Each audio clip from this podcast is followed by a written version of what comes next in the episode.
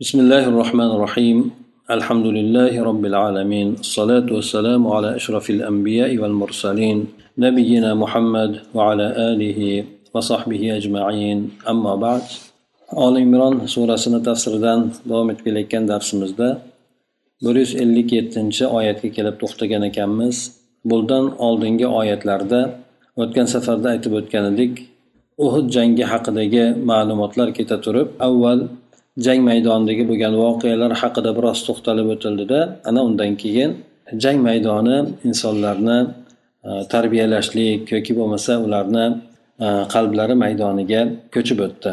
Ana o'sha yerda mo'minlarga bir qancha urushda bo'lib o'tgan voqealarni ro'kach qilgan holatda qimmatli bo'lgan tavsiyalarni alloh taolo berib o'tdi.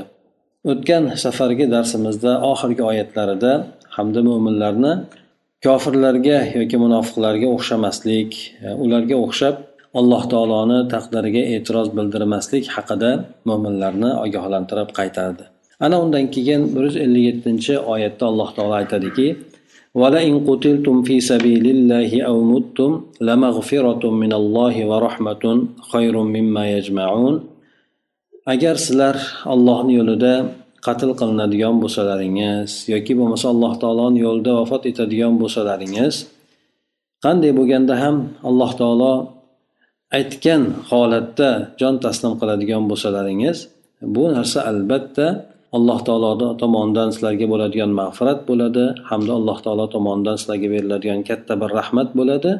Bu holat esa sizlar dunyoda qolib dunyoni matolarini jamlashlaringizdan ko'ra yaxshiroq deb alloh taolo aytib o'tadi. Demak avvalgi oyatda alloh taoloni shu hayot yashashlik va vafot ettirishlik borasidagi taqdir qazosiga e'tiroz bildirgan kofirlarga o'xshamanglar deb aytib o'tgandan keyin o'lim hatman hukm qilingan narsa. U insonni ajali bilan keladi. Lekin agar sizlar haqiqatdan alloh taoloni yo'lida jon beradigan bo'lsalaringiz bu dunyoda yashashlaringizdan ko'ra bu narsa yaxshiroq deb alloh taolo aytib o'tadi. Yana undan keyin agar sizlar vafot etadigan bo'lsalaringiz yo alloh taoloni yo'lida qatl qilinadigan bo'lsalaringiz nima bo'lgan taqdirida ham alloh taoloni huzurida jamlanasizlar dedi. Ya'ni alloh taoloni huzurida adolat bilan sizlarga hukm qilinadi. Agar mabodo sizlar haqiqatdan alloh taoloni yo'lida jon taslim qiladigan bo'lsalaringiz bu sizlarga mukofotlarni va'da qilgan alloh taoloni huzurida sizlar e, qayta tirilasizlar alloh taoloni huzuriga qaytarilasizlar. O'shanda mukofotinglarni mukammal qilib alloh taolo beradi deb mo'minlarni e, demak o'sha holatga alloh taolo qiziqtirdi. Ya'ni alloh taoloni yo'lida bardavom bo'lishlikka doim masalan bardavom turishlikka hatto vafot etgunigacha shunday turishlik demak alloh taolodan mukofotlarni olishlikka alloh taoloni mag'firati rahmatiga erishishlikka sabab bo'lishligini bayon qilib o'tdi mufassir aytadiki ولئن قتلتم في سبيل الله أو متم لمغفرة من الله ورحمة خير مما يجمعون أي ولئن استشهدتم استشهدتم في سبيل الله أو متم على فراشكم وأنتم تنون الجهاد في سبيل الله فذلك خير من البقاء في الدنيا وجمع حطامها الفاني. وفي الحديث الشريف من سأل الله الشهادة بصدق بلغه الله منازل الشهداء وإن مات على فراشه رواه مسلم. Demak alloh taoloni ushbu oyati agar sizlar alloh taoloni yo'lida qatl qilinadigan bo'lsalaringiz yoki alloh taoloni yo'lida vafot etadigan bo'lsalaringiz alloh taolo tomonidan bo'ladigan mag'firat hamda rahmatga erishasizlarki bu narsa sizlarni jamlaydigan narsalardan ko'ra yaxshiroq degan oyatni mazmuniga mufassir aytadiki agar sizlar alloh taoloni yo'lida shahid bo'ladigan bo'lsalaringiz yoki bo'lmasa to'shaklaringizda vafot etadigan bo'lsalaringiz ham sizlar alloh taoloni yo'lidagi jihodni niyat qilgan holatda to'g'ridan to'g'ri jang maydonida shahid bo'lsanglar ham yoki bo'lmasa alloh taoloni yo'lida jihod qilishlikni niyat qilib agar o'shanga muyassar bo'lmagan taqdiringlarda ham shu niyat bilan o'tib ketadigan bo'lsalaringiz bu albatta dunyoda qolib buni o'tkinchi matolarini jamlashlikdan ko'ra yaxshiroqdir. Mana hadis sharifda ham keladiki kim alloh taolodan shahidlikni chin qalbidan so'raydigan bo'lsa alloh taolo uni garchi o'lim e, to'shagida vafot etadigan bo'lsa ham shahidlarni maqomiga erishtiradi dedi. Inson niyati bilan erishishligi ham mumkin ekan agar imkon insonga tug'ilmay qoladigan bo'lsa أي سواء متم على فراشكم أو قتلتم في ساحة الحرب فإن مرجعكم إلى الله وحده فيجازيكم على أعمالكم فآثروا ما يقربكم إلى الله ويوجب لكم رضوانه agar sizlar vafot etadigan bo'lsalaringiz ham qatl qilinadigan bo'lsalaringiz ham nima bo'lganda ham baribir alloh taoloni huzuriga qaytarilasizlar o'sha o'sha joyda qayta tirilasizlar ya'ni mufassir aytadiki sizlar to'shaklaringizda vafot etasizlarmi yoki jang maydonida qatl qilinasizlarmi? Baribir alloh taoloni yolg'iz o'ziga qaytadigan joylaringiz bo'ladi. O'shanda alloh taolo sizlarni amallaringlarga ko'ra mukofot jazoinglarni beradi. Shunday ekan sizlar alloh taologa sizlarni yaqinlashtiradigan sizlarga roziligini olib keladigan narsalarni ya'ni ibodat amallarni afzal bilinglar shularni qilishlikka harakat qilinglar dedi فبما رحمة من الله لنت لهم ولو كنت فظا غليظ القلب لانفضوا من حولك mana bu oyat kalima demak undan keyin payg'ambar sallallohu alayhi vasallamni alloh taolo bu mo'minlarga bir mehribon zot ekanligini bayon qilib aytadiki siz alloh taolo tomonidan bo'lgan rahmat bilan ularga yumshoq muomala qilasiz deydi ya'ni yumshoq muomala qilib kelyapsiz yoki? Siz agar badxulq bo'lganingizda edi qalbingiz berahm beshafqat yoki qo'pol bo'lganda edi atrofingizdan ular tarqalib ketgan bo'lardilar deb alloh taolo aytib o'tadi. Demak bu yerda payg'ambar sallallohu alayhi vasallamni xulq atvorlarini juda ham go'zal ekanligini alloh taolo bayon qiladiki sahobalar payg'ambar sallallohu alayhi vasallamni juda ham qattiq yaxshi ko'rardi. Buni sababi esa u kishida mujassam bo'lgan bir qancha yaxshi axloqlar sababli bo'lgan edi. Mana shu u kishini mehribonchilik qilganlik holatlaridan birisi alloh taolo yuqorida ham aytib o'tdiki yana undan keyin ham keladi. O'sha jang maydonida payg'ambar sallallohu alayhi vasallamni buyrug'iga itoatsizlik qilinganligi sababli mag'lubiyatga erishildi mag'lubiyatga uchraldi endi. Agar dunyoviy boshqa boshliq bo'ladigan bo'lsa juda qattiq jazolagan bo'lardi o'shanday qilgan odamlarni. Lekin bu yerda payg'ambar sallallohu alayhi vasallam ularni inson ko'tarishligi mumkin bo'lgan holat bo'lganligi uchun ya'ni aytib o'tuvdik o'tgan safarda inson dunyoni ko'rgan paytda o'zini tutib turishligi juda ham qiyin bo'lib qoladi. Ana o'shanday holatda u kishi tushunganligidan ularga ularni kechirganligi hamda alloh taolo ularga istig'for aytishligini mana quyidagi oyatda ham keltirib o'tadi. Ana o'shanday bo'lgan holatda ularni qattiq jazolamasligi ham ularni payg'ambar sallallohu alayhi vasallamni yanada yaxshi ko'rishligiga u kishiga yanada itoatkorroq bo'lishligiga undaydi. Demak bu narsani albatta payg'ambar sallallohu alayhi vasallam o'zi tarafidan emas balki alloh taolo tarafidan rahmat qilib bunday xulq berilganligini bayon qilib o'tilyapti. Agar mabodo payg'ambar sallallohu alayhi vasallam bu o'rinda qattiqlik qilishligi yoki keskin turishligi kerak bo'lganda alloh taolo tomonidan bu narsa haqida bayon qilingan bo'lar edi. Mufassir aytadiki bisababi rahma ya'ni alloh taolo sizni qalbingizga qo'ygan rahmat sabablik rahmdillik mehribonlik sabablik siz ularga yumshoq tabiatli bo'ldingiz. Ashoblaringiz ya'ni sizni buyrug'ingizga muxolif bo'lishligi sizga osiy bo'lishligiga qaramasdan shunday bo'lishligiga qaralmasdan demak siz baribir sahobalaringizga yoki ashoblaringizga yumshoq tabiatli yengil bo'ldingiz.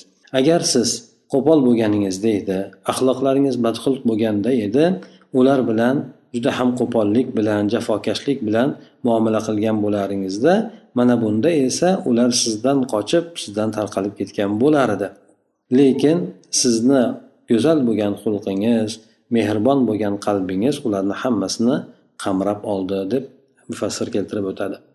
Demak payg'ambar sallallohu alayhi vasallamni boshqa o'rinda ham hatto jang maydonida bo'lsin oiladagi bo'lgan bo'lsin yoki sahobalarni orasidagi bo'lgan xulq atvorlari bo'lsin juda ham go'zal bir suratlarda u kishini xulqlari bayon qilingan. Ana o'sha narsalar demak u kishini butun hayoti mobaynida o'shanday innakala ala xuluqin azim deb alloh taolo aytgandek go'zal xulqdasiz degani hamma o'rinlarda payg'ambar sallallohu alayhi vasallamda ko'ringan. G'alaba o'rnida ham ko'rindi bu kishi.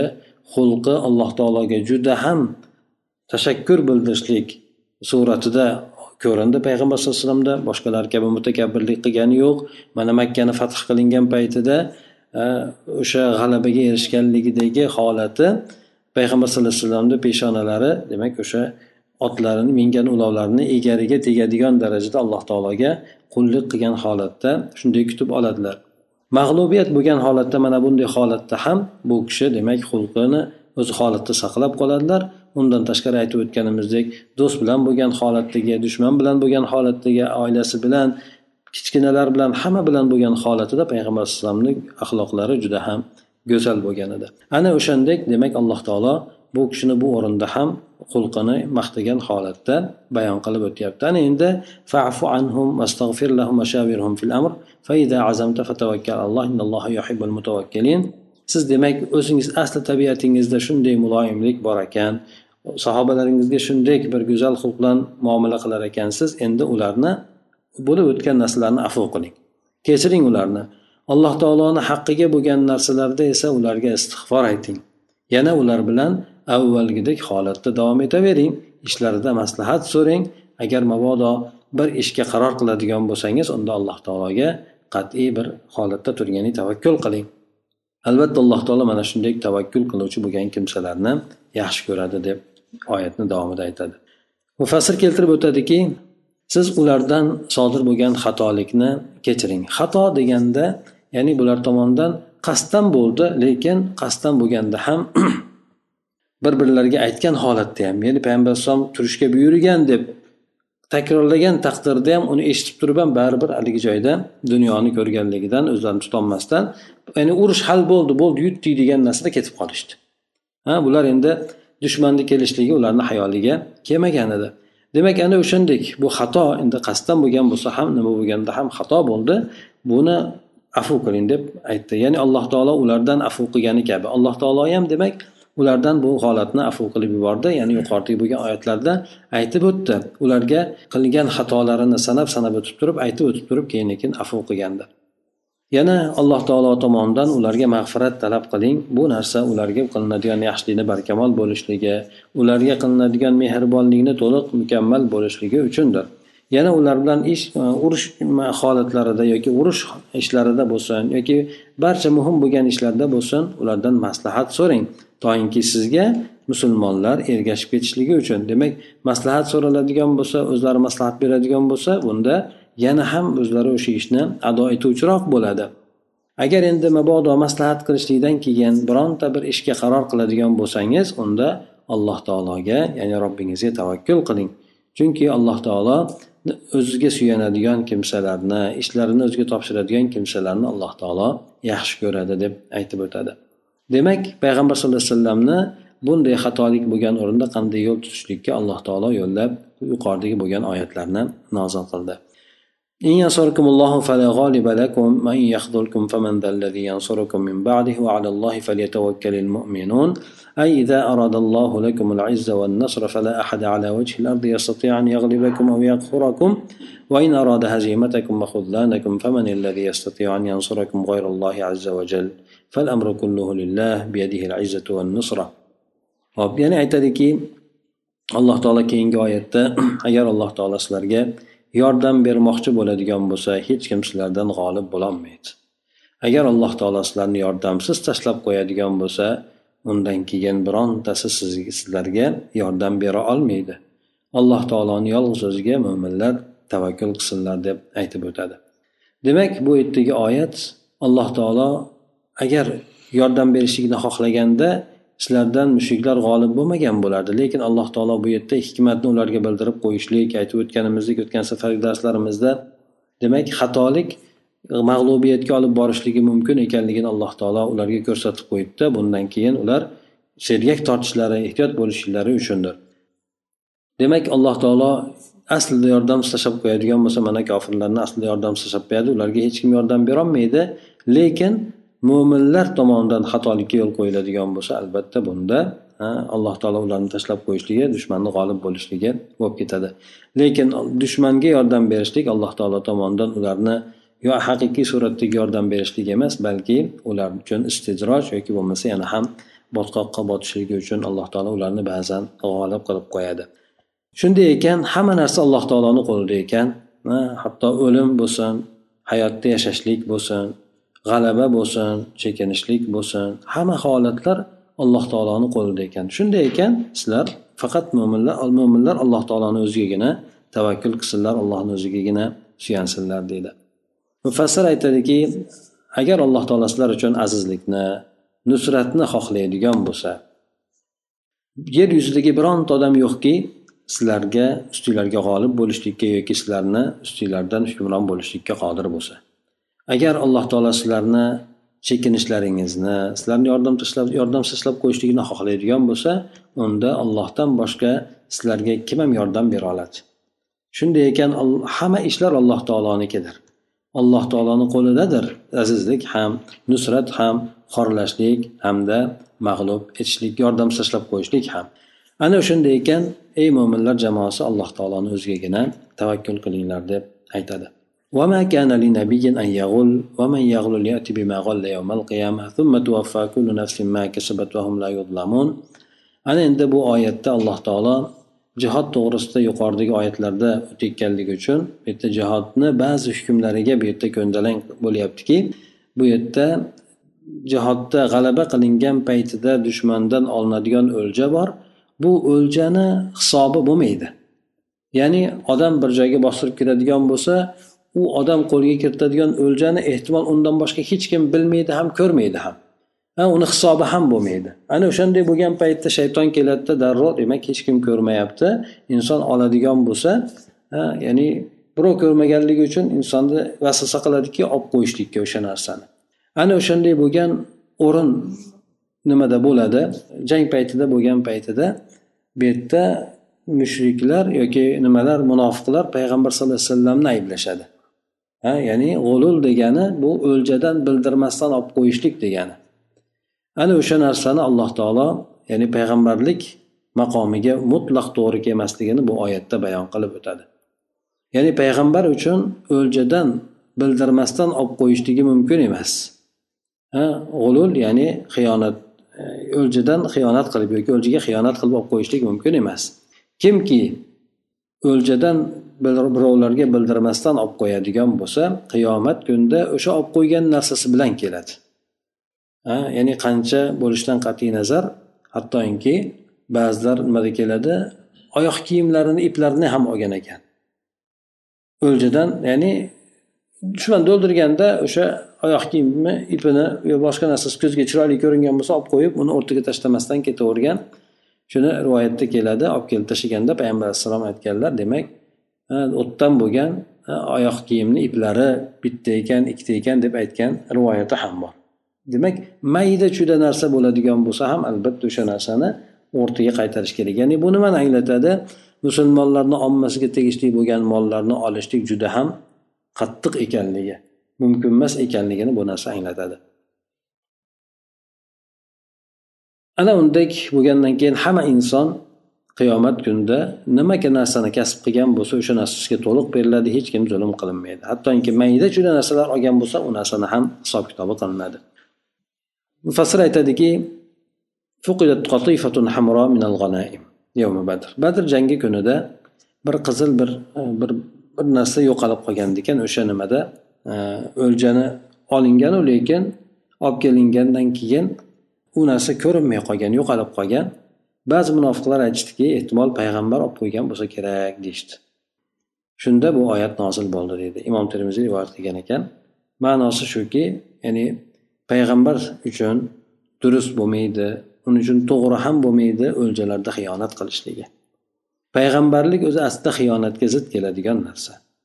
Ana shunday ekan bu narsa hech ham tasavvur qilinmaydi ya'ni u narsa sodir bo'lishligi voqe bo'lishligi tugul hech ham tasavvur qilinmaydigan narsadir.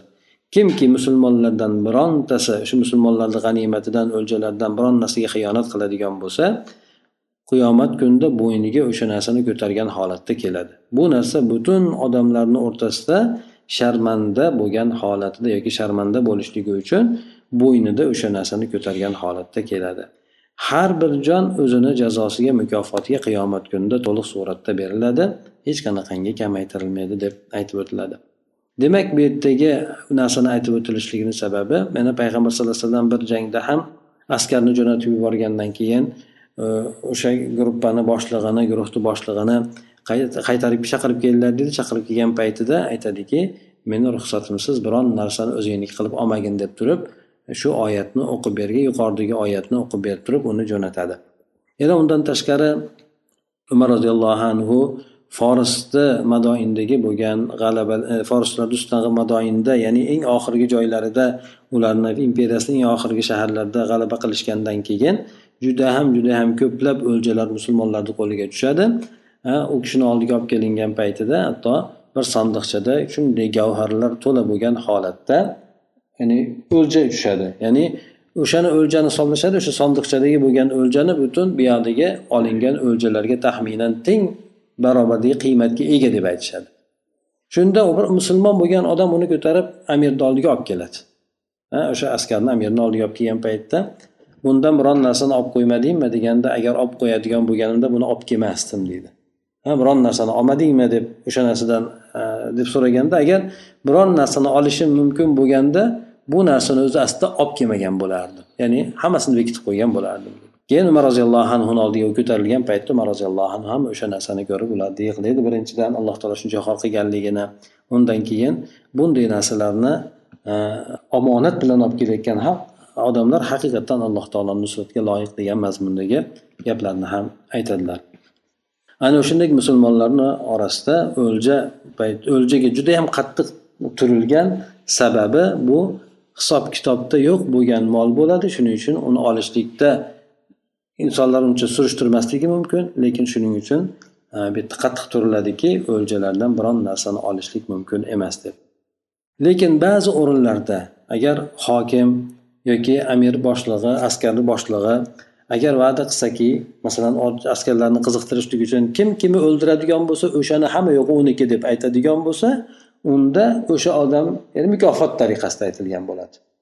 Ya'ni kim kim o'ldiradigan bo'lsa urushda o'sha o'ldirgandan keyin o'qlari egar jabduqlari boshqa hamma narsalarni o'ziniki qilib olishligi mumkin. Bu mukofot tariqasida aytiladi. Lekin o'shanday aytilmaydigan bo'lsa ommaga hamma narsasi olib kelinadida uni o'ljani beshdan to'rt qismi askarlarni o'ziga taqsim qilinadi. Otliqqa piyodani ikki baravari bo'lgan holatda. Otliqqa ikki baravar beriladi piyodaga esa bir baravar beriladi. To'rtdan beshdan bir qismi esa markazga qarab olib ketiladi. Markazda uni o'zi taqsimoti qilinadi. Lekin to'rt bar beshdan to'rt qismini nimaga? Agar urush bilan olinadigan bo'lsa o'lja agar urush bilan olinmasdan tinchlik yo'li bilan olinadigan bo'lsa unda e, nimalarga ketadi? O'sha markazga ketadi bu narsa. Ya'ni tinchlik bilan olinadigan bo'lsa o'ljadek anfol deyiladi ya'ni g'onima emas bu anfol bo'ladi lekin unda markazga qarab u narsa ketadi. Undan keyingi oyatda alloh taolo aytadiki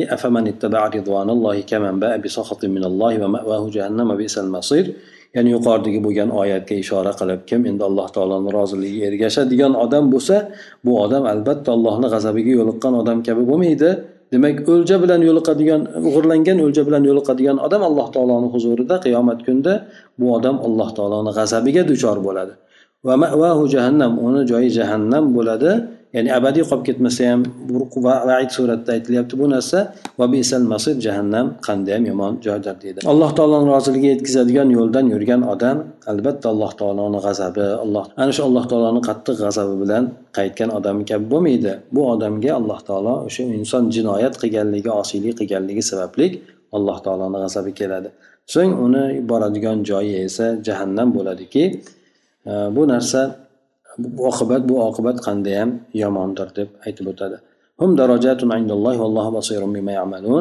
lekin insonlar alloh taoloni huzurida har xil darajalarga ega albatta qilgan amallari qanchalik duratda itoat qilganliklari yoki bo'lmasa qanchalik suratda osiylik qilganlariga qarab turib odamlar alloh taoloni huzurida darajotli bo'ladi.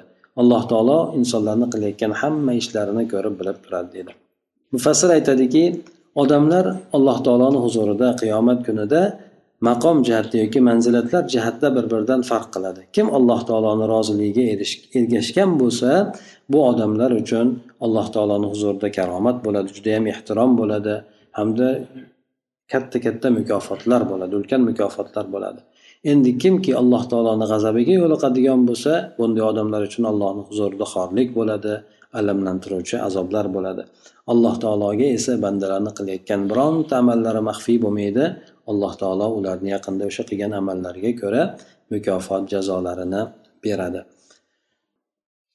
Undan keyingi oyatlarda alloh taolo mo'minlarni e, orasiga rasululloh sollallohu alayhi vasallamni yuborganligi bilan e, bu marhamat qilib aytadiki ya'ni payg'ambar sallallohu alayhi vasallamni payg'ambar bo'lib kelishligi butun insoniyatga haqiqatdan rahmat ekanligini alloh taolo bu oyatda bayon qiladi. Aytadiki laqad mannallohu alal mu'minina iz ba'atha fihim rasulan min anfusihim yatlu alayhim ayatihi va yuzakkihim va yuallimuhumul kitaba wal hikma va in kanu min qablu lafi dalalin mubin. Darhaqiqat va qasam bilan aytyapti bu yerda. Lom o'sha qasamga dalolat qiladi. Alloh taolo qasam bilan aytadiki darhaqiqat alloh taolo mo'minlarga marhamat qildi. Vaqtiki ularni orasidan o'z orasida ulardan bo'lgan rasulni yuborgan yuborishligi bilan deydi. Demak alloh taolo mo'min insonlarga yoki mo'minlarga ularni orasidan rasulni yuborganligi bilan judayam katta marhamat qildi. Bu rasulni kelishligi avvalo alloh taoloni oyatlarini tilovat qilib beradi. U mo'minlarni u rasul poklaydi. Ularga qur'onni sunnatni ta'lim beradi. Endi ular odamlar esa bundan oldin zalolatda bo'ladilar deb aytib o'tadi. Demak alloh taolo bu oyat karimada payg'ambar sallallohu alayhi vasallamni kelishligi haqiqatdan alloh taoloni bu insoniyatga bo'lgan katta rahmati ekanligini bu oyat karima bayon qiladi. Mufassir aytib o'tadiki darhaqiqat alloh taolo mo'minlarga judayam katta ne'matni inom etgan. Ularga ehson qilgan ularni judayam ikrom qilgan bu payg'ambarlarni xotimasi bo'lgan muhammad sallallohu alayhi vasallamni yuborishlik bilan. Bu kishini arablardan arablarni ichidan yubordi. Toinki arablar u kishidan ya'ni ular namuna o'rnak olishliklari va u kishidan keladigan hamma narsalarni olishliklari uchun alloh taolo bularga mo'minlarga demak marhamat qilib payg'ambarni jo'natdi. Bu payg'ambar ularga qur'on oyatlarini o'qib beradi. Ularni gunoh isyon yoki bo'lmasa osiyliklarni kirliklardan ularni poklaydi. Ya'ni insonlarni gunohlarni ko'rsatib u narsadan tiyilishlikka insonlarni chaqiradi qalblarini axloqlarini tuzatishlikka katta hissa qo'shadi va ularga qur'oni sunnatni ta'lim beradi. Ular esa islomni yuborilishligidan oldin esa ular e, kufr yoki shirk zalolat qorong'uliklarida gandiraklab yoki e, yatahabbatun degani tentirab yurgan bo'lardilar deydi demak odamlarni shunday bo'lib turgan holatda shirkda zalolatda tentirab yurgan paytida alloh taolo ularga rasul sollallohu alayhi vasallamni yubordida ana o'sha narsa bilan ularni hayoti keskin o'zgardi. Hamma tomonlama o'zgardi. Axloqlar o'zgardi odamlardagi ixlos boshqa narsalar o'zgardi holat madaniyat o'zgardi hamma narsa. Aytaylik kichkina joydagi bo'lib turgan odamlar dunyoni boshqaradigan darajaga erishdi. O'sha joydagi bo'lgan axloqsizliklar esa bir muddatdan keyin dunyo namuna oladigan darajadagi axloqqa ega bo'ldi. Demak judayam katta tomondan e, payg'ambar sallallohu alayhi vasallamni yuborishlik ularga ne'mat bo'lgandi. Mana hozirgi kunga ham kungacha ham o'sha payg'ambar alayhissalomni berilgan ne'matlaridan e, insonlar manfaatdor bo'ladi أولما أصابتكم مصيبة قد أصبتم مثليها قلتم أن هذا كله من عند أنفسكم إن الله على كل شيء قدير ana undan keyin alloh taolo bu uhudda bo'lgan mag'lubiyatni holatini bayon qilib o'tadi ya'ni sizlarga musibat yetgandi sizlar ya'ni musibat yetgan payti uhudda musulmonlarga musibat yetdi mag'lubiyat yetdi sizlar esa ularda ikki baravar musibat yetkazgandilaringiz Ana o'shanday bo'lib turgan paytda sizlar aytasizlarki bu qayerdan keldi deysizlar bu mag'lubiyat. Mana yutib keluvdik o'tgan safarda.